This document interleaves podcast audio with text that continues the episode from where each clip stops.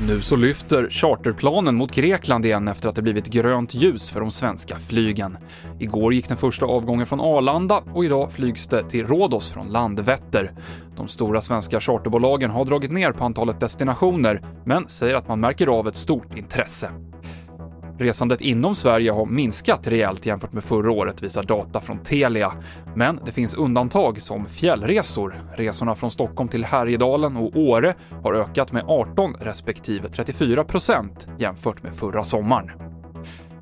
Och den svenska isbrytarflottan som möjliggör sjöfarten under vintern i norra Bottenhavet och Bottenviken behöver ersättas. Det är ständig risk för haverier, säger Staffan Ahlstrand, som är teknisk chef för isbrytaren Atle.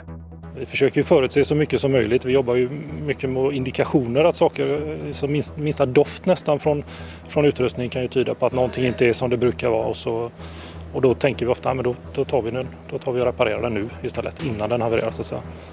Och kan man inte hålla isfritt så kan det bland annat störa produktionen hos LKAB.